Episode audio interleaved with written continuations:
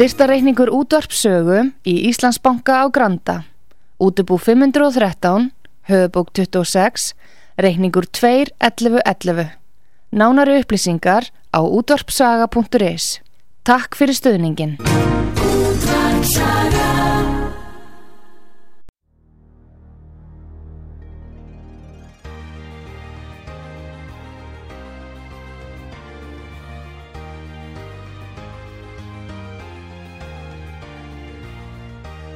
Heimsmálinn í umsjón Pétur Gunnlaugssonar.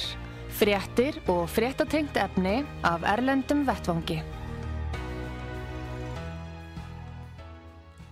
Góðir eh, hlustendur, þér að hlusta á útvarpssögu. Ég heiti Pétur Gunnlaugsson og ég ætla að ræða við hann Gustaf Skúlason, fréttamann útvarpssögu í Svíþjóð. Sæl og blessaður, Gustaf.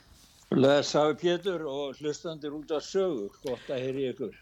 Við ætlum að byrja því að greina frá ráðstefnu eh, sem var haldinn í Stokkólmi í gær Já, og það verða var- með hann að svittöl við ráðstefnu gesti og við erum með nokkla hljóðbúta og hún þetta fjallaði um eh, stöðuna ástandið í heiminum, stöðu Vesturlanda sérstaklega og, og Norðurlandana og Svíþjóð.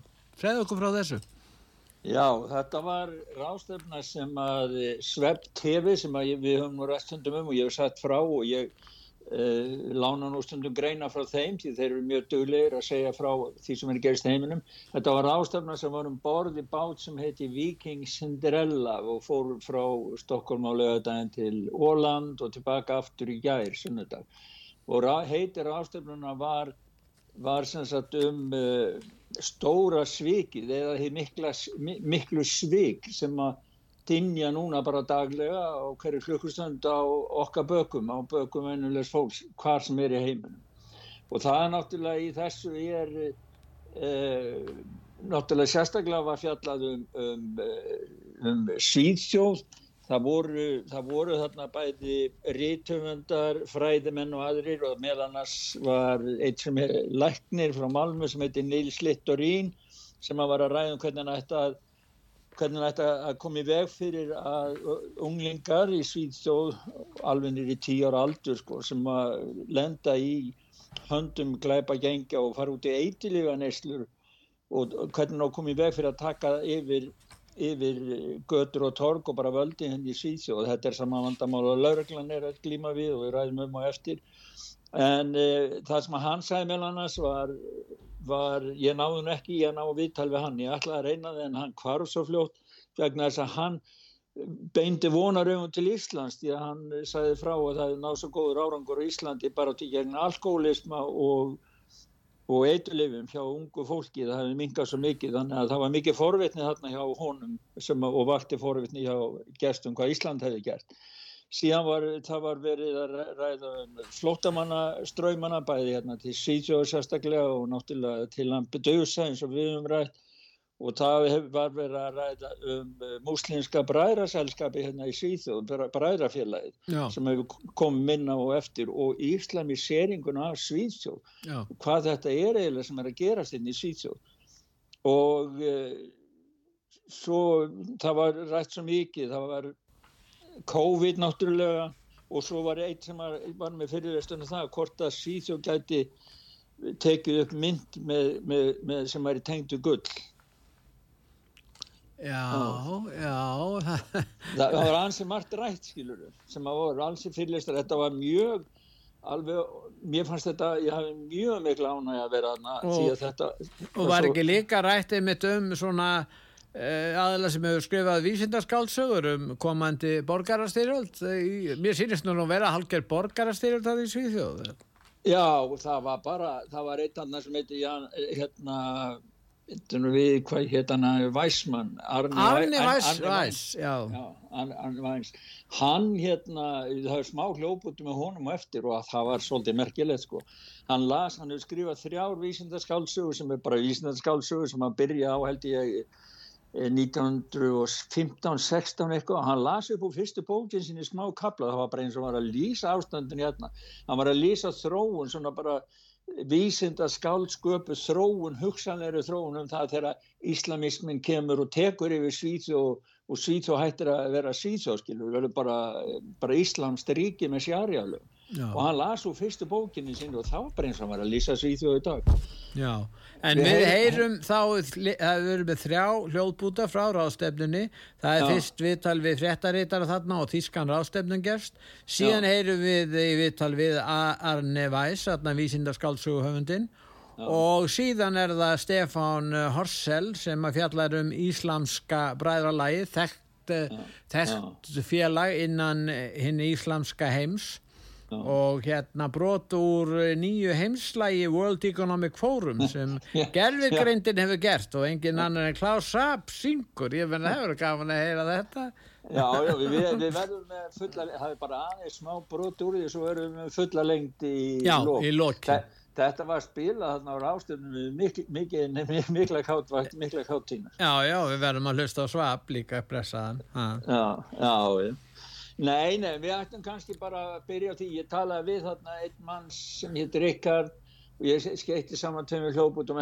Rickard, það var aldrei gáðan að tala við hann vegna þess að hann skrifar, eh, hann sagði mér að skrifa yfir 90% af, af skrifum fréttum á heimasíðu SEP-TV þannig að við áttum heilmikið svona samveilegt að ræða um Já. og það var al, ekkert nema alveg sjálfsagt að, að maður fengi fyrir hönd út af sögu að lána efni og, og, og svona því það er bara, við erum öll í sama bátkortið er, þetta er ekki lengur spurning um, uh, þetta er orðið spurning bara mannkynnið, vennulegt fólk gegn þessum glóbalista öflum sem að, eftir því sem að maður fer lengra með niður og ofan í pottin sko þá bara ég bara, ég kemst ekki yfir það, ég hef aldrei séð svona mikla mannvonsku alla mína æfi, sko, aldrei og ég, það, maður getur ekki, það getur engin ímynda sér hvílik mannvonska þetta er sem er á bakvið, bak þessi, þessar fyrirætlanir og það sem við erum upplifa.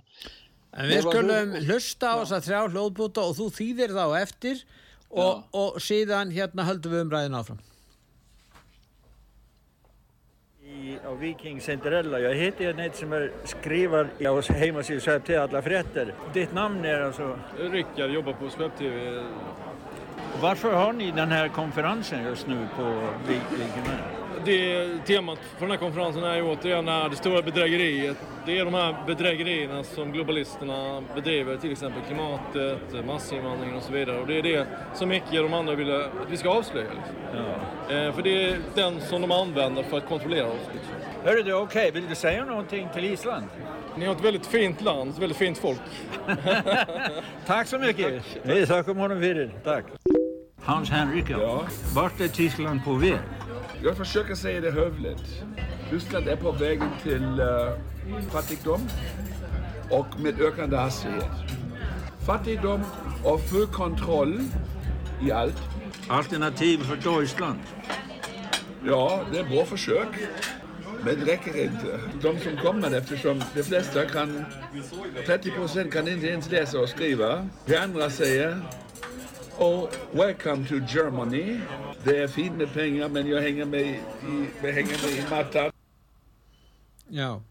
Já, nei, það var, sko, hann var, hann, Ríkard, hann var nú bara að segja, sko, frá því, sem sagt, frá konferansinu svona aðeins og, og, og þessum stóru svikum og globalistana sem að þeir, þetta, þessar aðferði sem þeir nota til þess að, að já, á okkur hinn og svo talaði þarna með einn, einn rástefningar síðan hans, hann var frá Þískalandi og var með mjög stutt úr búta Já, fátækt framundan í Þískalandi segir hann eins og staðin er Já, og á auknum hraða, hann segir Já. að hraðin aukist allan tíman, fátækin breyðist úr sér og ógnar hraða Já. og það sé fullt eftirlið og við rættum þó nokkuð mikið saman við, við borðið þar sem við vorum sko um liðræð og hann sagði bara liðræð er að hverfa í Þískalandi og hann tók sem dæmi sko allt, allt valkostu Þískalans og þó að sé búið að stopna henn að flokka hann við sópa til sem fylgi frá öðrum þá var hann rættur um að það myndi ekki döga Nei. stóra vandamáli sagði hann var að það var svo mikið af inflytendum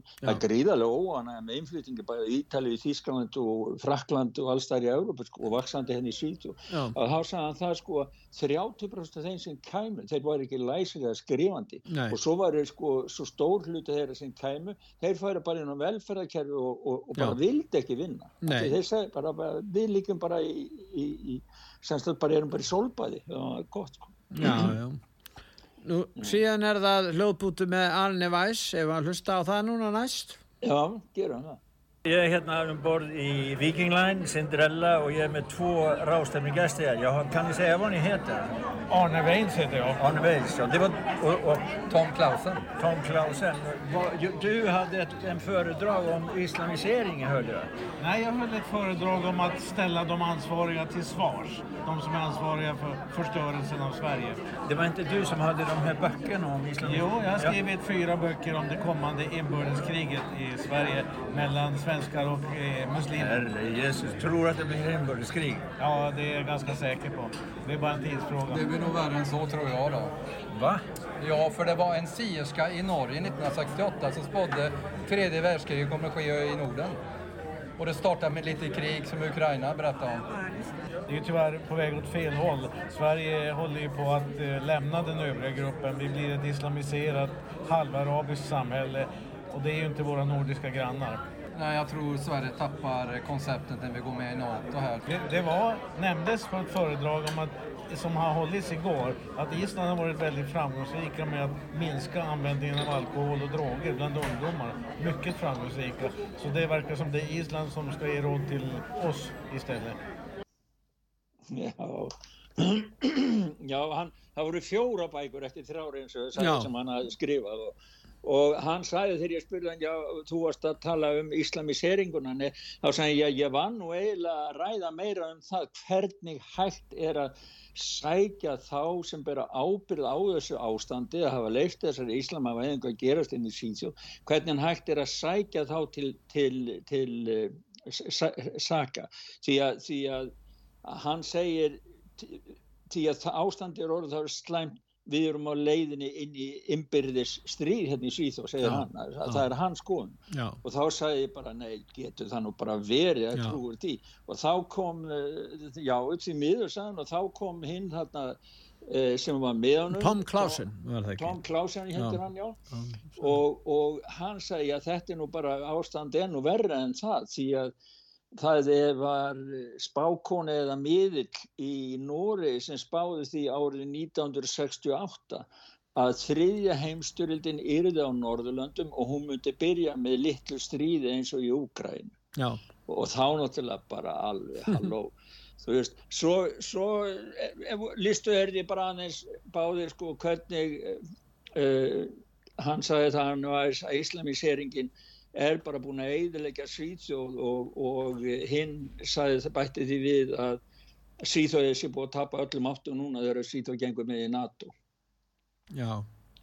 Nú eh, síðan er það Stefán Torskel hérna að fjalla um þetta íslamska bræðralag sem er, sem er allskapla öflug svona hvað ég maður að segja menningarstofnun innan íslamska kerfisins.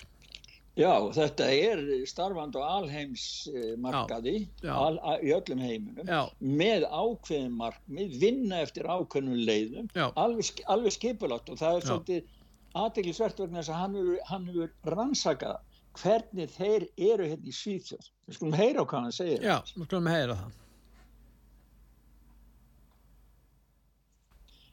Og svo kemur lag, lagbúturinn hann eftir. Vi är stadigt hérna vid Vikingterminalen och jag talar av Stefan Torssell.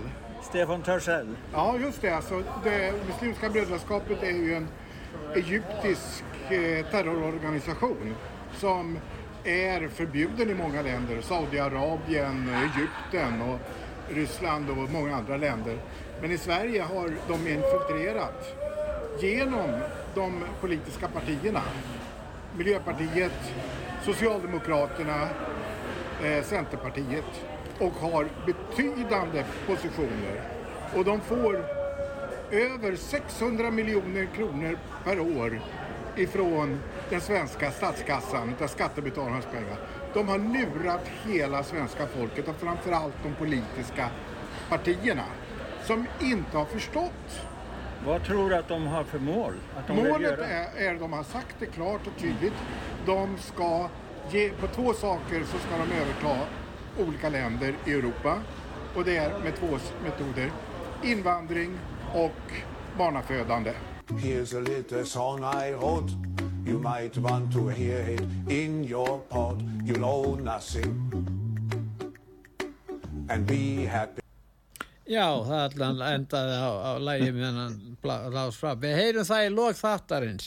Já, En fyrir þarna varu mótmæli líka í Stokkólmi gegn uh, alþjóða helbriðsmálastofnuninu HÚ, uh, Exit HÚ, eða það er þetta rétt að kalla það Vexit, er það ekki eins og Brexit, sko, Já, Vexit, ve- Vexit, tvö- já, já, já, þeir er- kallaði nú bara Exit. orðið exit sem Já. er, er sko bara að taka út Jú, já, jú. það var þegar við komum tilbaka við komum, bátunum komum tvö tilbaka og þeir byrjuðu klukkan þrjú með, með mótmælagöngu þannig að sumi fóru beint af bátnum yfir í mótmælagöngun og vera með á útafundinu, við vorum útafund á meðborgartorginu í, á Söðumalm í Söðuluta Stokkóns Já. og þar voru fleiri þekktir sem að alþjóðalegir aktivistar, læknar og aðri sem að kom og, og heldur ræður og e, voru að upplýsa svíjana um hvað þessar breytinga þýttu bæði með nýjum helbriðis sáttmála,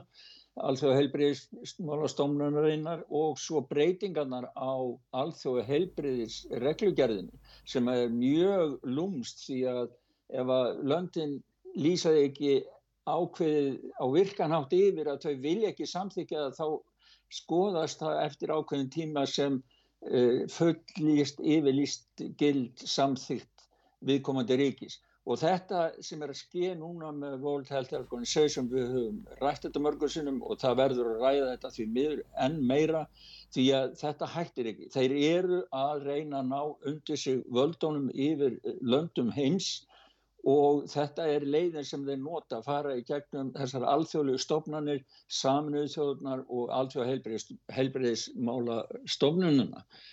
Og hérna, ég ætla nú bara aðeins að segja það í sambandi við hérna bræðralægi þarna, það sem að Stefán sagði um bræðralægi, það var, hann vakti aðtekla á því að það eru, sko, þeir hafa kjörsamlega tekist að plata uh, stjórnmálastéttina hérna í Svítjóð og það hafa verið sósaldemokrater, umhverfsflokkurinn og miðflokkurinn hérna sem hafa hleyftið inn og meiri sé allarleið upp í ráðherrastöðu. Þeir eru búin að koma sér vel fyrir hérna í Svítjóð og núna eru svíjar að vakna upp í vondan draum. Það er að segja stjórnmálastéttin er að vakna upp í vondan draum því að markmiði hjá þessu bræðra, bræðralagi það er að taka yfir löndin sem þau komast inn í, taka þau yfir, það er alveg meðvitað yfirlýst stefna og markmið þeim og þeir ætla að gera það með því að fara svona inn í og lauma sér út um all, all samfélagið, hreyðra um sig í stofnunum og helst eh, stjórnmálastofnunum, böngum og ríkistofnunum og svo ætla þeir að taka yfir með því að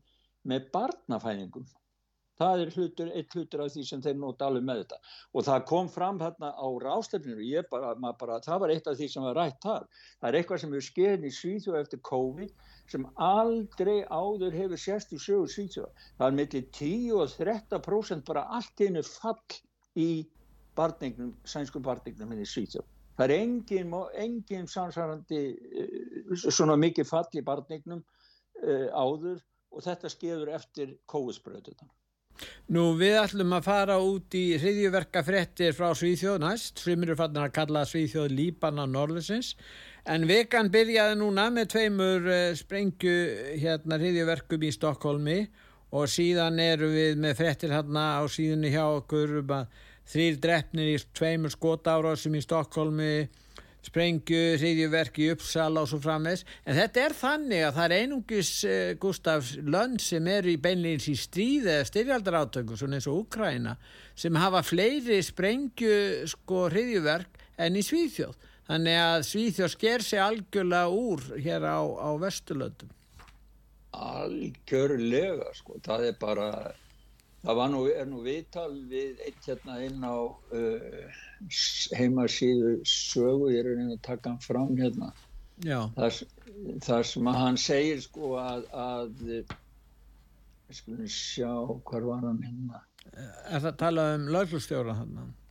Já, það bæði, við erum bæði með hljóputar frá uh, ríkislauruglustjórunum og einum öðrum lauruglumanni og svo frá Ulf Kristisson vegna þess að fórsætisráður vegna þess að það hefur ekki verið talað um annað hérna, það var á, á sex tímum á, á, nei, já, tól tímum á halvun sólarhing þá voru þrýr drefnir í tveimi skotáru fyrir Stokkólmi og svo var sprengt eh, sundur raðhús, tvö raðhús í Uppsala, norður á Uppsala þetta skeið allt saman á innan tól tíma.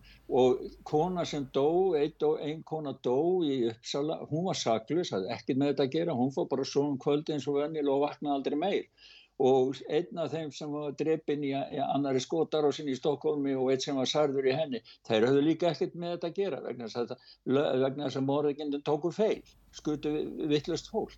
Þá þarf alltaf að koma meira og meira að venjulegt fólk, venjulegi svíjar þeir get ekki lengur um frjálst höfu sér strókið og ég menna þegar maður vaknaði, vaknaði núni í morgun þá sér maður bara myndir sko, sprengja og maður, ég er ekki einu svona búin að aðtöða hvort einhver hafi dáið eða hvernig það er sko, ég, man, manni fallast bara hendur. Það er ekki hægt að vakna lengur hérna á mótana, maður verður að fara að spyrja sig að hvað er búið að sprengja, hvernig er búið að drepa hvernig ástandi er, þetta er bara að verða eins og stríðsástand hérna. Þannig að ég alltaf er búin að ákveða fyrir sjálfa mig að hérna frá, þegar ég segi frá sprengjárasum og þessu þá ætlum ég að kalla það hriðjverk. Því þetta er ekkit annað heldur en skipulöður hriðverka menn þó þeir séu stríði hverfi hver annan, þetta er ekki lengur orðið svolítið. Þeir gefa algjörlega bara þó að þetta er epi fullt af saklusu fólki að skýsta reyngum og lengur. Nú árið 2023 er nýtt metár í spengjárósum og morðum ekki rétt í Svíþjóð, metár. Og þetta er í raun og veru svo miklu, miklu meir en þekkist annars það að, að, að, og það í Svíþjóð. Og það er eins og, eins og kom fram áðan í hlóðbútan menn er að tala um að borgarasegl sé fæðingu í raun og veru og, og, og við tölum um Úkræn og svo hræðilegu styrjöld þar sem er En, en, en, en í Svíþjóð, ég menna þetta getur þróast upp í þetta og er það, þar eru fólk að deyja og sprengja ára sér út, út um allt. Já, það var hann sem ég var ekki með nafna á aðan, það er afbrotafræðingur Arda Van Kosnud sem var í, í viðtaliðna held ég í sjónvarpinu eða einhvers þar og hann sagði það að sko það verður að fara, það er engin lönd sem eru fríðsamlegi, það sem ekki er ekki stríð sem hafa meiri sprengur í síðan fyrir utan kannski Mexiko sem er eina land í heiminu sem ekki í stríði sem er með fleiri sprengingar enn í síðan og svona sprengingar er ekki eins og vandamáli bandaríkjum það sem nú mikið skoti og, og mikið útbreysla á bussum. En það er aðtrygglisvert að allt fram til ársins 2010 voru uh, sprengjára sér óþektar í, í Svíþjóð. Þannig að þessar breytingar eru búin að eiga sér stað á síðustu árum og það maður gengur svo meira svo, svo langt núna að löglustjóri einn í Svíþjóð hann eh, segir raun og veru að hvorki lög hérna löglan eða stjórnvöld getur list þetta vandamál, bara þjóðin verður bara að rýsa upp og, og hafi í frammi borgarlega mótspyrtu gegn þessu því að það sé bara badnaskapur að halda að stjórnvöld getur eitthvað gert í þessu málu, þeir hafa skapað hennar vanda, ég er ekki að hann? Já, einmitt sko Nei, hún, hún heitir Karin Jötla, hún er mjög dugleg, samverskusum kona og maður hefur fylgst með henni í nokkur ár og líka þegar vegna þess að hún kemur frá Upplands Vespi þar sem við byggum í mörg ár og, og hún hefur það sem sérgrein innan rannsóknudeldar klæparstar sem er lögurlunar að, að, að vinna með börn og unglinga sem eru á, á glæpa vegu og hún er búin að segja sama hluti núna í tíu ár held ég. Það hefur bara aldrei verið hlusta á hana. Og núna þá, sko, við erum með smá hljóp út frá einum hérna lauruglumanni sem að bara segja það að lauruglan get ekki dráðið við þetta. Og svo erum við hljóp út uh, líka frá Anders Thornberg uh, Já, ríkislauruglustjóranum, Anders Thornberg, ég man ekki hvað henn hétt. Hann, hann heitir Jali, hann heitir Jali. Já, Póljarvi. Já, hann er, hann, hann líklega er hann alltaf sér uppalega frá Pólandi þessu. Hann, hann er virðist vera, minnskostu nafnið hans vera frá svona austur-evróst. Já, það er mikið á soliði snöfnum hér, skilja þeir. En, en, en hérna, en hún, sko, þessi, hún skrifaði grein, Karin Jötla, hún skrifaði grein í, sjá, það var í eitthvað dagblæð, hérna, í dagins nýhettir, já. Og þá hún að, er, er hún að gaggrína barnaskap, lauruglanar og samfélagsins í nálgun og innflyttum glæpáfum í Svíþjóð.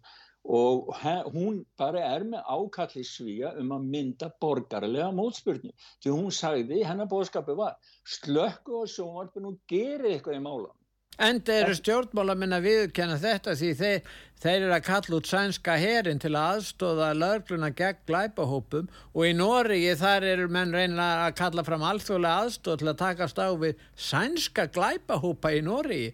Þannig að, að það er ljóst að menn treyst... Þeir, þeir eru komnið að Fokstrótt, stærsti hópurinn heitir Fokstrótt og það er verið að tala um kurdiska reyfin sem er fóringið þessa sem er, hann, hann kefti Tyrknest ríkisborgara rétt, þannig að Tyrklandi Ná, hann er friðhelgur glæpamaður í Tyrklandi í Tyrklandi, já, já. ábyggilega góður muslimi líka er það ekki já. alveg ábyggilega sko. hann er örgulega síja muslimi sko. og, og hérna þeir eru komnir, sko, þeir hafi verið nýri í Danmörku, þeir eru komnir yfir til Norris og Norris fer bara beint í alþjóðlega örgluna til að fá aðstóð því þetta er orðið, sko, þeir eru svo stóri þeir eru út um alla, alla Evrópi og ábyggilega komin ángi því að þetta er eitthilega sala til Íslands. Og ef að þeir ná fótveist á Íslandi þá bara meði bara, þá verður fólk að flýja til fjalla sko. Já, en það er barnaskapir og þjóðin að halda stjórnmálamennir muni eitthvað að gera í þessu máli. Það þarf bara borgarlega ólíðin á Ísland og mótspyrnu strax.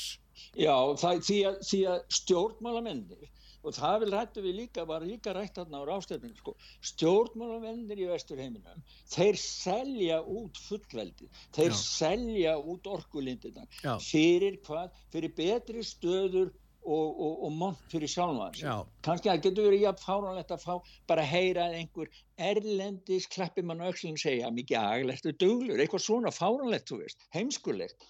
En, en þeir nota stjórnarskrár sjálfstæði, fullveldi, sjálfsákvörunarétt sem söluvöru fyrir persónulegan ávinning. Þeir eru búin að gleima því að þeirra verkefni er að vinna fyrir þjóðina og fyrir fólki í landunum og þetta, þetta er allstað. Við skulum fyrst heyra í lörglumannum og svo í ríkislörglustjóranum hérna, Anders Thornberg og svo í ja. fossitisráþaranum sem að vill að herin aðstóði lörgluna, Ulf ja. Kristinsen. Við skulum byrja að heyra eh, hérna, hljóðbúta með lörglumannunum. Men tror du även att man kan ändå knäcka gängen här på svensk mark när gängledarna sitter till exempel i Turkiet? Alltså att knäcka gängen, det, kom, det har aldrig skett. Det kommer inte att ske heller. Utan det vi ska göra det är montera ner de här gängen som är verksamma nu och oskadliggöra dem så mycket som det bara går. Sen kommer det komma nya igen. Men det är inte så att vi kommer att knäcka de här och sen kommer det aldrig finnas gäng. Jag vill bara betona den delen. Och, och självklart, att, att montera ner de gängen när det orkestreras från utlandet. Det är ju ett extra försvårande moment för oss, absolut.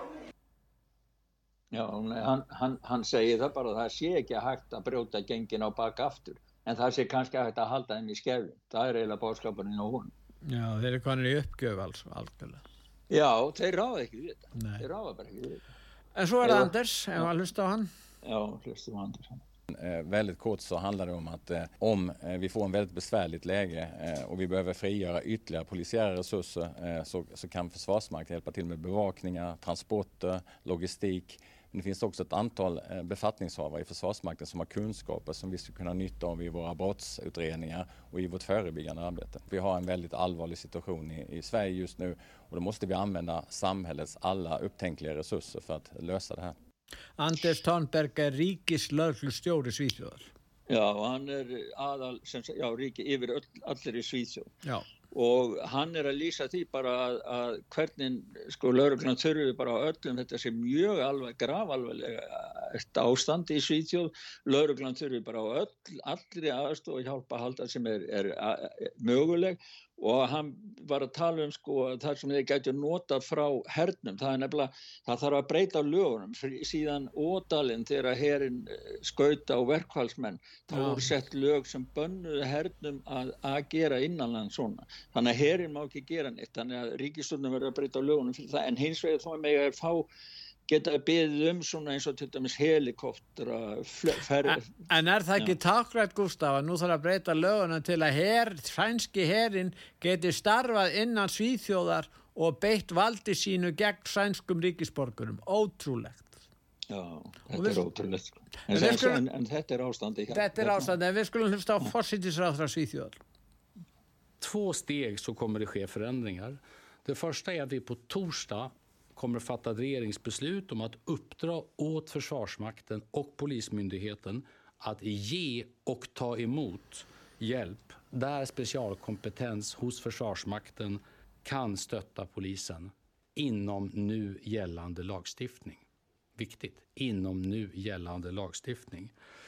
Det kan handla om ganska många saker. Sånt som är känt som sker sedan länge är sprängmedelskompetens och helikopterlogistik. I ett andra steg så måste lagen ändras.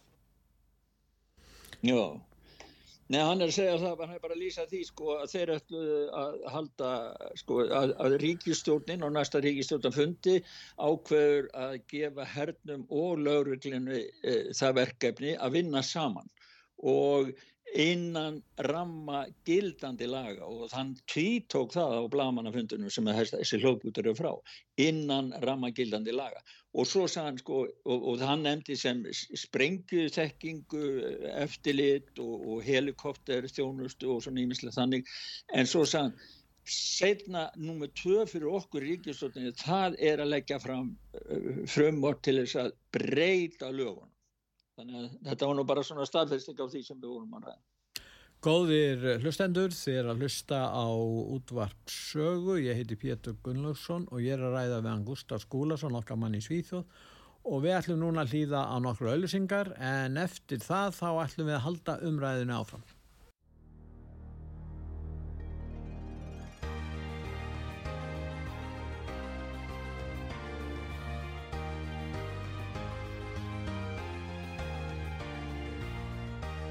Heimsmálinn í umsjón Pétur Gunnlaugssonar. Fréttir og fréttatengt efni af Erlendum Vettvangi. Góðir eh, hlustendur, þið er að hlusta á útvarssögu. Ég heiti Pétur Gunnlaugsson og ég er að ræða um Gustaf Skúlason, okkar mann í Svíþjóðu. Gustaf, nú no. ætlum við að ræða um málefni sem að, eh, já, það er komið fram nýtt kræða krabbamenn sem hagar sér á þann hátt sem menn hafa ekki séð áður kallað turbokrabbaminn og við erum reynda með hljóðbút og viðtöl við krabbaminslækni hvað er þetta og hvað vitum við um þetta í raun og veru, hvað er að gerast? Já, það er eins og við rættum síðast með hérna, bandariska hjartaskurðlæsnir um uh, Pétur Kolla. Hann er á mann gjálfættunafning Pétur og hann, þar sem að hann var að lýsa því sko að bóluefnin gerðu ónæmiskerfi líkamanns uh, veikara sem að veikti þá selju líkamanns þannig að venjulegu krabbi fer á ofurraða inn í sellurnar og, og næra þróast á ofurraða sem aldrei hefur sérst áður fyrir þessar spröytur sem hafa verið gefnað þetta bólefni sem hefur komið og þessi maður sem við erum með hann heitir William Makis, hann er krabbaminsleiknir og hann var í viðtali við The High Wire og hérna Er, er hann að segja að þessi orsakasamhingi á milli þessara efna sem menn uh, voru látið taka eða tóku og þessa turbo krabbamins vegna hérna Já, hann, hann, hann segir það sko, hann segir það að krabbamins læknar séu femtir í sleiknir því þeir veit ekki hvað þeir eru að gera við þetta krabbaminn sem að gengur undir þessu nafni túrba krabbaminn. Þeir, er, þeir eru erfitt með að meðhandla, vil eftir skurða að gera þá geta læknandir uppgötta að krabbaminn hafi þegar breyst út því það vex svo rætt. Bara jafnvel eftir þeir eru búin að skyrja burtu og sauma saman sjúklingina þá heldur það bara áfram. Þannig að, að það, það bara, þetta kemur öllum að óvurum hvað þetta er og hann segir að svo virðist sem mRNA sprautuna bæli ónæmiskerfið og það eiginlega ekki getur líkamast til að fylgjast með krabbamenni. Bólefni virðist trubla bóð ónæmisfruma eins og téfrumuna sem eru okkar vendar frumur í líkamannum og þannig að sko þetta er en það er bara það er, þetta er að þekkingin um þetta er að vaksa fram. Og þetta er líka maður líka sjá í samingi við þessar tölur sem eru að koma um umfram dauða núna og er alltaf að aukast með hverjum deginum. En hlustum að það sá hlustum á seg... William Makis heitir hann eða Makis, hann, við skulum hlusta á hann og svo hérna höldum við áfram. Turbo cancer, it's a recent term. It arose in the public domain and it really describes aggressive cancers that are arising in COVID vaccinated individuals. It's showing up in young people, people in their 20s, 30s, 40s. Uh, the youngest case that I've reported was a 12 year old boy who had one Moderna vaccine Four months later, develops stage four brain cancer, and then six months later, he died. And so, this is something I've never seen before in my career. I've diagnosed probably 20,000 cancer patients in my career. I've never seen cancers behaving like this. Já, hann er að segja, hérna, hérna, hann er fyrst að segja að þetta sé nýlegt, í öðru lagi er hann að segja að þetta sé herskátt krabbamein og í þriða lagi er hann að segja að tala frá börnunum, hann er að tala um 12 ára gamlan dreng sem hann skoðaði og hérna og síðan hafi þetta aldrei sérst áður. Þetta er það sem hann er að segja í þessu stutta viðtali. Já og hann, þetta er, sko, hann hefur meðhandlað yfir 20.000 krabba með sjúklinga á æfisinni þannig að Já. þetta er reyndur maður sem veit hvað hann er að tala um. Þetta, þetta er bara mjög sorglegt og hvað, þetta er þetta mRNA og nú komum við fréttir í morgun og nú er ég að beða hlustundur út að sögu að setjast nýður svo þau missi ekki allt úr höndunum á sér því að Nobel nefndin og Karolinska hérna var að tilkynna í morgun hverjir ætti að fá Nobelverlunin í læknisfræðum. Það er eðlisfræð og læknisfræðum og það verða Katalín Carrigo og Drew Westman fyrir vinnu sem gerði mögulegt að taka fram mRNA bóluefnin. Já. Nobelsvölun, takk fyrir. Núna get ég bara grafið niður Nobel, allt sem heitir í kringum það. Ekki sjálf á gamla Nobel heldur þessa sem er í dag og er útæðilega þessum velum en þetta er alveg þetta, er bara, þetta var að koma núna í morgun tilkynningum þetta. Já, nú uh, það er nú ymsir sem eru samt, það er menn eins og til dæmis við erum með fréttur um hann Elon Musk, hann er nú að að gaggrína Dr. Fauci um áhrif og öryggi COVID-efnana nú fréttamaðurinn eh, hérna, Karl Tucker, hann er í viðtali við Þísk, eh, Þískan fjölmiðl Die Weltwoche og uh, hann segir í raun og veru að fréttamenn þór ekki lengur að vera fréttamenn. Við sáum þar endar í Julian Assange málinu hérna Gustaf hvernig í raun og veru menn hafa gefist upp á því að verja sjálfstæði og hérna að frétt og fjölmjölamenn skuli starfa óháðir án þess að ríki sé að lagsækja þá og ofsækja. Já. Og það er sko Elon Musk hann tók saman og það er inn á heimasíðu sögu og það er mjög svona áhrifa mikið hann tók, tók saman tímalínu með Fauci allt frá því sko já já það verður engin veikur. Við bara takir spröytun og engin verður veikur. Og svo komið já það verður nú kannski 90, 95% verða nú heilbriðir og svo fór það að lækka alltaf svo tala þeir sem verður heilbriðir og, og bólefna átt að verja. Ég man ekki alveg hvað, hvað var það, það sem þau sögðu síðan sko. Þannig að, að, að það er svolítið svona það er átakanlegt í raun og veru að, að, að sjá þetta í þessu sammingi og svo er hann sko það er verið að, að sem sagt með uh, málfrelsið. Já. það má nú að koma núna, núna að uh, bara til dæmis Trudeau í Kanada þeir eru konið með eitthvað sem heitir Online Streaming Act í Kanada og, og Elon Musk var að segja það að er bara að kæfa málfræðis í Kanada. Það, þetta er svona svipað eins og þeir eru búin að setja á í gagni hérna í, í Európa-sambandinu mm. og Európa-sambandi var að senda Elon Musk aðvörun bara mm. það er allt og mikið af raungum upplýsingum á X-unni hjá þeir og hóttunum því annarkvæmt að loka á exi í aðeldaríkjum með Európa-sambansins eða þá að sektan, ég man ekki hvort það var 6% af heimsveldu fyrirtækisins. Það er svona sem þeir hafa þetta. Við erum á leiðinni inn í algjöran fascisma.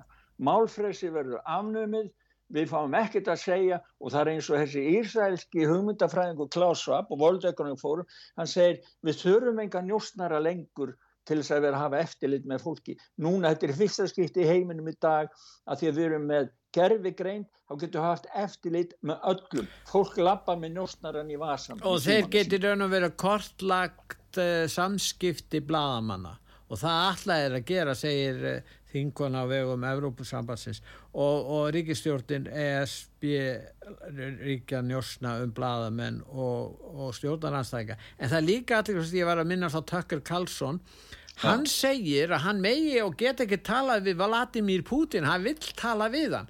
Og mér þetta er mjög áhugavert að heyra viðtal Tökkur Karlsson við Putin. Já. Hvern, já, ég menna, akkur ekki? Ég menna, við getum gengið út frá því að það sé allt lígi frá Putin menn geta haft á fyrirfram að skoðun, það er allt í lagi. En það verður svolítið að heyra hvernig hann rögstiður þessa ólöglegu innrás eins og hún er samkvæmt alþjóðalögu og hvers vegna þeir gerðu þetta og hvers vegna þetta þróaðist í þá átt eða hvernig sem Tökkar Karlsson myndi tala við hann. En hann getur það ekki, hann fær það ekki. Meina? Nei, og, það, og það eru bandaríkja menn sem hindra. Það er bandaríski yfir við hvað er þeir hrættir ég meina það er ekki hvað sem er búið að stimpla hana mann sem, sem uh, legara sem ekkert er margt takand á og einræðisherra og glæpamaður? Ég meina við, við fáum að heyri einsum er það ekki í fjölmiðlum Gustaf sko, ég, ég, ræ, það var líka rætt á, við rættum hann líka á rástefninu það, það, það er, málin er ekkert rætt lengur. Síðsó sækjur um umsókn í NATO á nokk nokkurar umræð, hvort á þinginunni annar stað, að bara sapna saman. Já, já. Já, og, og eins var gert með, með COVID eins og Artrúur út af stjóri út af sögu marg, marg, marg oft bent á að þetta, er, þetta bara fyrir gegn á þinginu neyðar ástand, ástand á Íslandi listi yfir og, og keift þetta bólefni á nokkurar umræð og það þetta er orðið einkenni á þessu svo kallaða líðræði sem við höfum, þetta er orðin ansi mikil svona líðræðishalli það er málun eru bara dundraði gegn á nokkur ára umræð og ekki bara það, við höfum Erdogan sem er að verja þennan eh, hérna, stjórnanda Foxtrot eh, hérna klæparsamtakana ég meina hann er ekkert handekina hann er að tala um það þurfa að framselja kurdíska hriðiverkamenn, gott og vel. En hvernig væri að hann myndi framselja þannig mann? Já, nei, hann, hann gerir það ekki. Þetta er, þetta er svona kötturinn og músin leikur sko, millir Svítsjóður og og Tyrklands því að hann segir að, að, að Svíþjóð sé bara farfuglaheimili fyrir hriðverkamenn.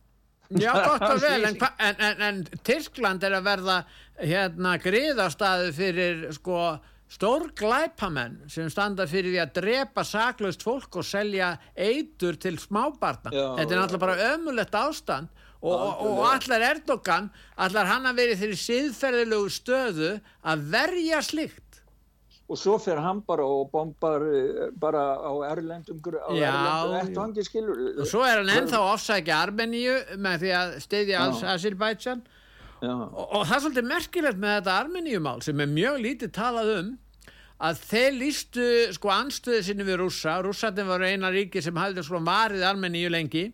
Þeir Já. lístu anstöðu við rússana. Rússar hættu þá að steyðja þá. Og þeir fengi enga stuðning frá Vesturlandum, frá NATO þeir hafi ekki veitt neitt stuðning ekki eins og siðferðilegan stuðning. Hefur þið tekið eftir því?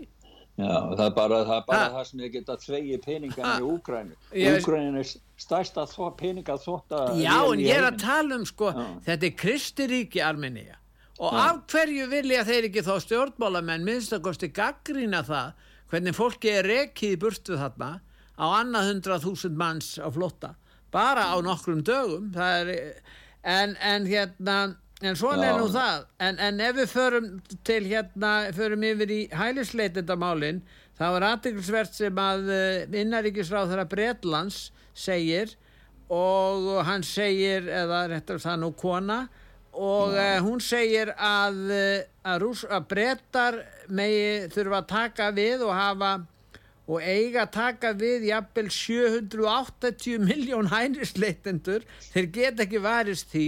En hún segir líka að þessi ströymur hælisleitenda ógni tilvist vesturlanda. Og notaði það orð. Ógnar tilvist já, já, en býtu við. hvað eru mörg hundru þúsund sem koma hverju ári til Breitlands ég meina, og, og breski íhalsflokkurinn er búin að vera þarna, ég veit ekki hvað lengi. Þeir hafa ekki gert okkur skapaðan hlut svo er maður að sjá sko, frásagnir af því að ríkið á, á kostnað skattgreðenda leigir luxushótel undir þetta fólk já, sem kemur, kemur þarna yfir en málið er hjá henni eh, hjá, hjá þessari góðu konu hérna Suella Breivermann er að hún er að benda á mál sem við höfum rætt eh, stundum um á, á útarfisögu mm. að saminu tjóðuna breyttu skilgreininguna á flóttamanni eftir setni heimstyrjöldina og það er það sem allir, allt vennulegt fólk hefur í sínum huga og sínu hjarta.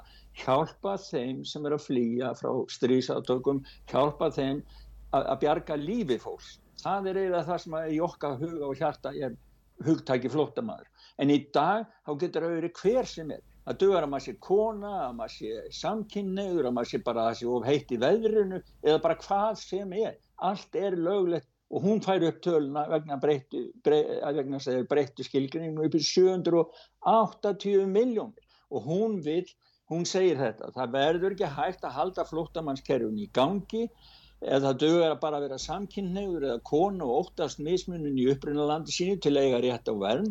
Það er fáránlegt og ósjálfbært að halda áfram með óbrætt ástand sem gerir fólki kleift að ferðast um mörg lönd og jafnvel dveljast í örugun löndum í nokkur ár á meðan það er að velja áfangarstað til að sækjum hæli. Passar þetta ekki vel við Ísland? Jú, Það er Ísland og þegar fólk er að sækja inn til bandaríkjana, það eru náttúrulega held ég fimm eða tífald fleiri heldur þegar Obama var á sínum tíma sem streym inn. En það er einn eh, maður í Evrópu, Viktor Orbán, sem hefur verið gaggrindi mjög hallega, sagt hans í einræðisherra, en hann hefur í 16 ár fengið yfirburðakostningu í Ungverilandi. 16 ár. Hann er sennilega sá stjórnmálamæður sem hefur mestan líðræðistöðning í sínu landi. Uh, Úrsula von der Weyen, hún er ekki fengið einn einasta mann til að kjósa sig. Uh, ekki einn ekki, ekki, ekki einn skilur og svo erum við að tala ég meina, hugsaðir, erðu síðan er það Elon Musk, við tölum um hann aðan hann líkir þessari hérna, uh, þessari hérna sókn hælisleitenda frá Afríku ekkert annað líkir þessari innrás og sér sammála Viktor Orban um gagsleysi innflytjenda samnings Evrópusambassins. Já, þeir eru sammálið því. Ég, álit mitt á Elon Musk, eh, ég verði að hjáta það, það fer alltaf meira, ég ber alltaf meira og meira virðingu fyrir honum eftir því sem ég sé. Já, hann er demokrati, ekki verið, hann er, hann er ekki, já, hann var það með skorti.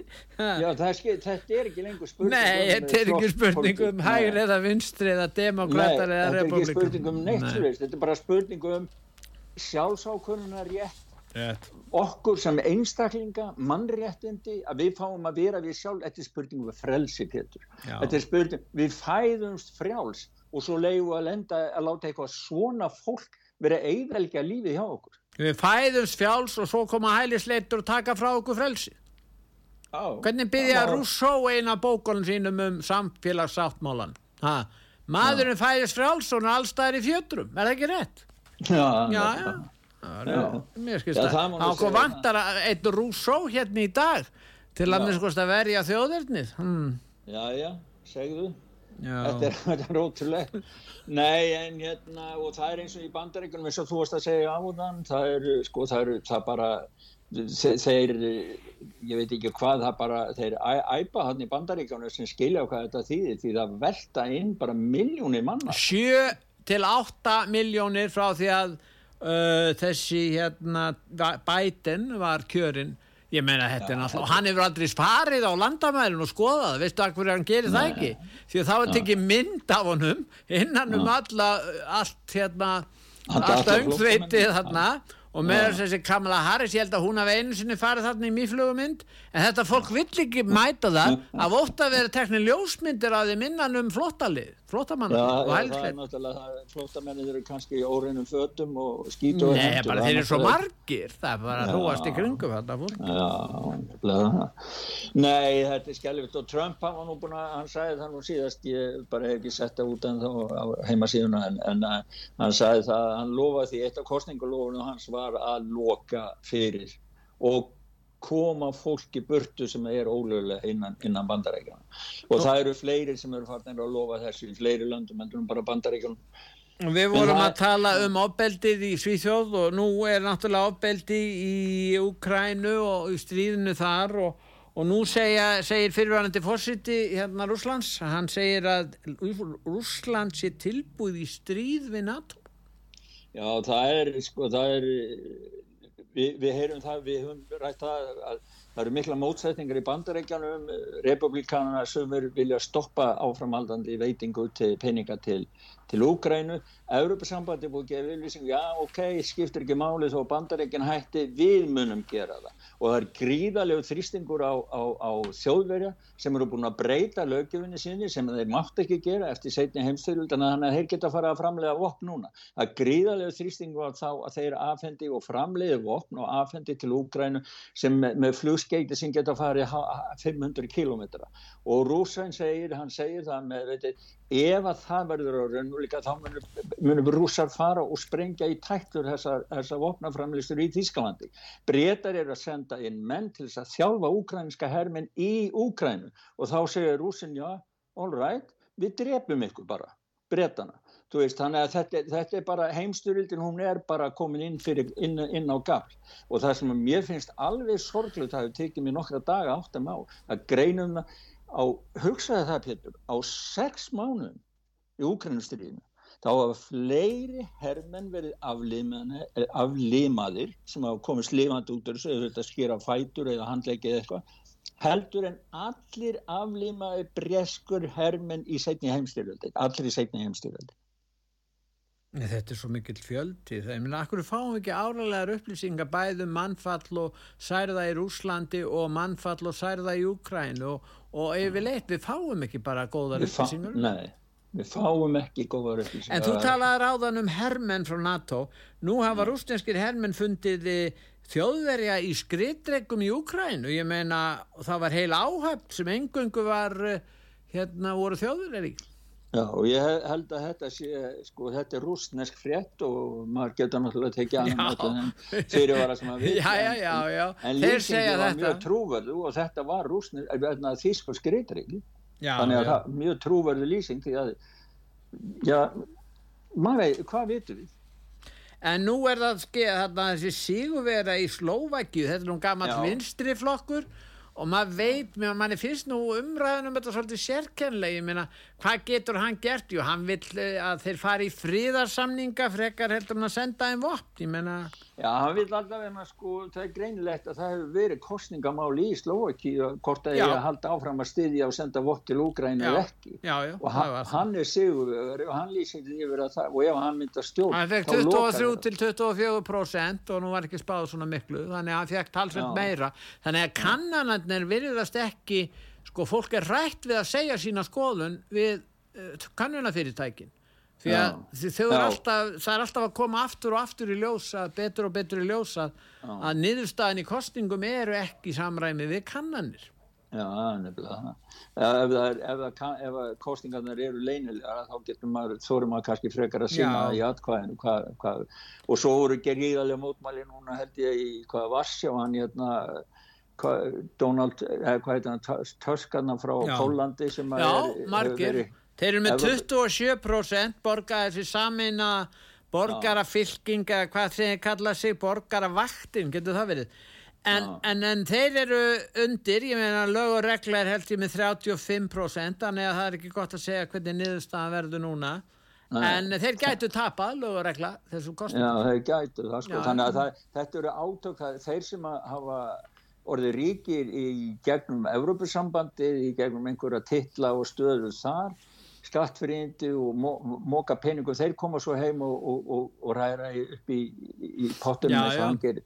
En svo erum við með hérna svona endingu, þá erum við með, það var algjört nexli í Kanada. Uh, Selenski kom og held ræðu fyrir á, á þinginu eins og hann gerir og fórsetið þingsins hann stóð upp og í tvígang reisti þingheimur sig upp og klappaði fyrir úkrænskri stríðshetju sem voru 98 ára gömul og var á efri pöllanum hann og stóð upp og, og hristi sig svona undir klappinu og, og allir voru voða ánæður að það væri nú hægt að sína stríðshetju, úkrænska stríðshetju í Kanada, sem byggi í Kanada og við skulum Hann var hlusta á náttúrulega hann. stríðsetja í augum þjóðirni sinna, var það ekki?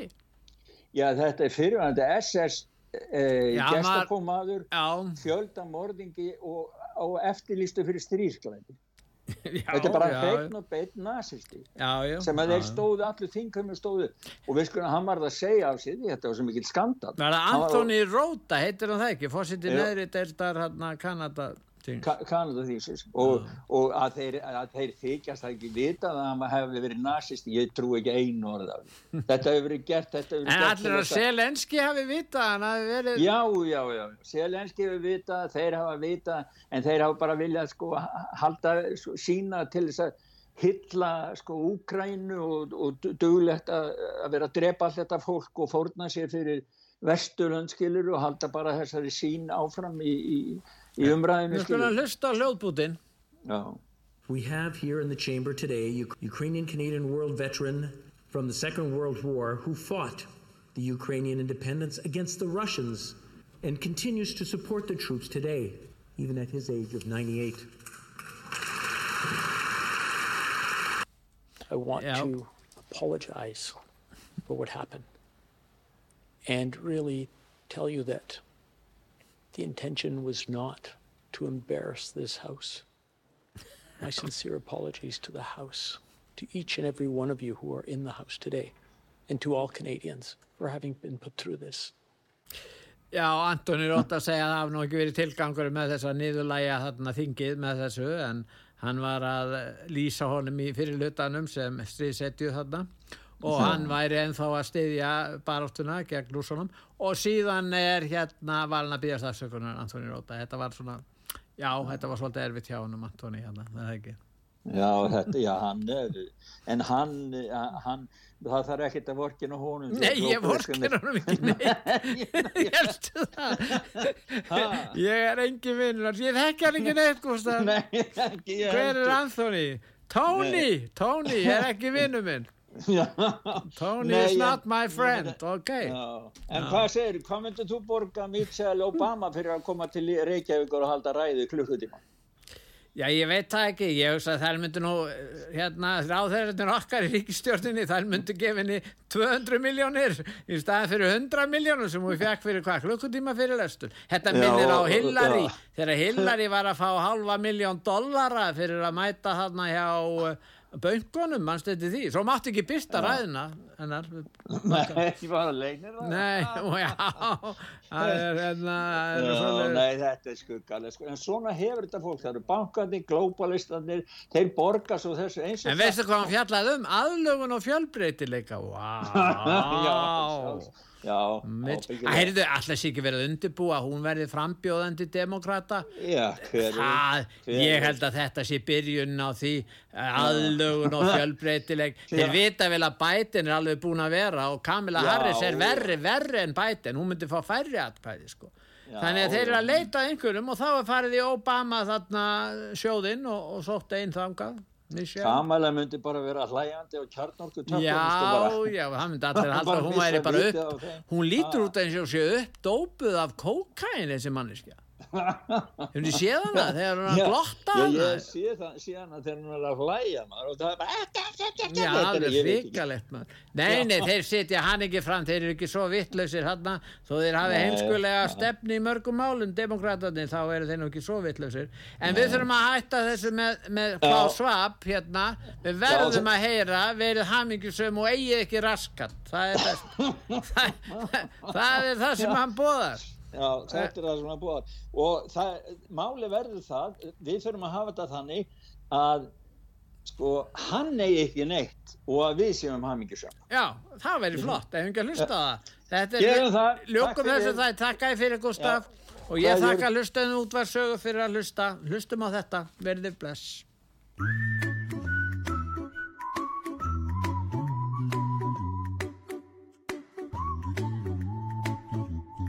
Here's a little song I wrote. You might want to hear it in your pod. You know nothing. And be happy. Ain't got no cash, ain't got no car. But 24 booster shots in your arm. Oh, nothing. Be happy. You can't even buy shit in the store because of your low social credit score. Oh, nothing. Be happy.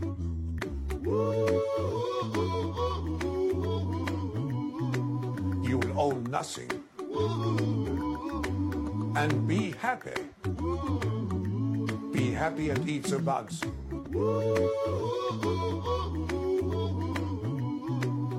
You'll own nothing.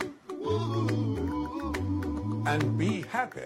Ain't got no cash, ain't got no car. But 24 booster shots in your arm. Oh, nothing. Be happy. You can't even buy shit in the store because of your low social credit score. Oh, nothing. Happy.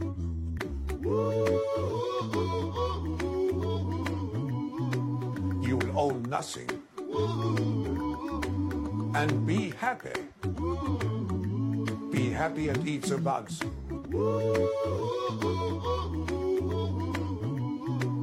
You will own nothing. And be happy. Be happy and eat the bugs.